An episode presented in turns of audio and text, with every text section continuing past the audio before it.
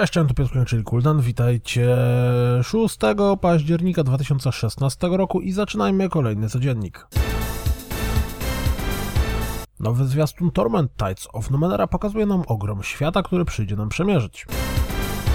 Po krótkiej zapowiedzi na Twitterze pojawia się pierwszy zwiastun Wasteland 3 i wygląda zaskakująco dobrze, a przynajmniej dla mnie. Ruszyła również zbiórka na portalu FIG. Cel zakłada 2 750 tysięcy dolarów i już przekroczono ponad połowę tej kwoty.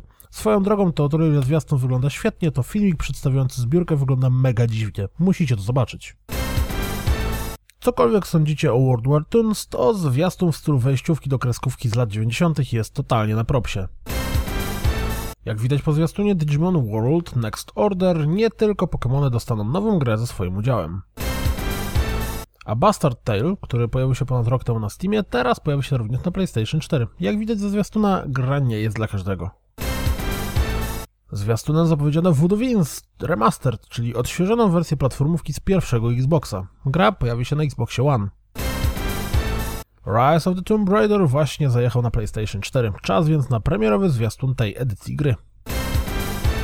Dishonored 2 w nowym zwiastunie czy też dzienniku deweloperskim prezentuje miasto, w którym będzie dziać się akcja gry. Gravity Rush 2 najprawdopodobniej zaliczy obsuwę i pojawi się w Japonii dopiero 19 stycznia.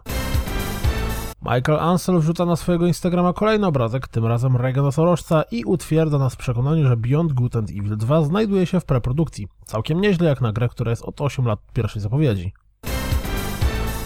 Pojawiła się kolejna dawka plot na temat Nintendo NX. Konsola miała być 3 albo 4 razy silniejsza od Wii, a sprzęt napędzać miałoby mobilny Nvidia Pascal Tegra. To wskazywałoby na to, faktycznie konsola pewnie będzie nastawiona na przenośność. Czas pokaże, jak w końcu Nintendo powie nam coś oficjalnie. Syberia 3 zajdzie obsuwę i pojawi się dopiero w pierwszym kwartale przyszłego roku. Mantis Burn Racing pojawi się finalnie na PlayStation 4, Xbox One i PC 12 października. Na początku 2017 roku otrzymamy rozszerzenie do Darkest Dungeon pod tytułem Crimson Card. Record dostał 30-minutowy trial do sprawdzenia na PC lub Xbox One. Niestety tryb podzielonego ekranu wyleciał z For Honor. Odpalcie filmik w okolicach 4.20, żeby usłyszeć to z ust producenta gry. Jeśli zamierzacie zainstalować Modern Warfare Remastered wraz z Infinite Warfare, to lepiej przygotujcie 130 GB miejsca na swojej konsoli. Kto jest ciekawy jak wygląda ładne korpo, czyli siedzibę DICE Stockholm, ten powinien sprawdzić galerię pod tym linkiem. Czekacie na Dishonored 2 tak jak ja? To sprawdźcie ten wywiad z twórcami gry, żeby poznać trochę dodatkowych szczegółów. Nie wiem jak ludzie to robią, ale ten fanowski montaż z Battlefielda pierwszego wygląda prześlicznie.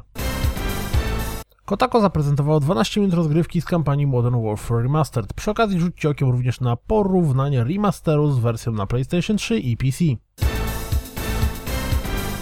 To wszystko na dziś, jak zawsze. Dziękuję za słuchanie, jak zawsze zapraszam na www.rozgrywkapodcast.pl Jeśli doceniacie moją pracę, wesprzyjcie mnie na Patronite. Piątek się należy i mam nadzieję, słyszymy się jutro. Trzymajcie się, cześć!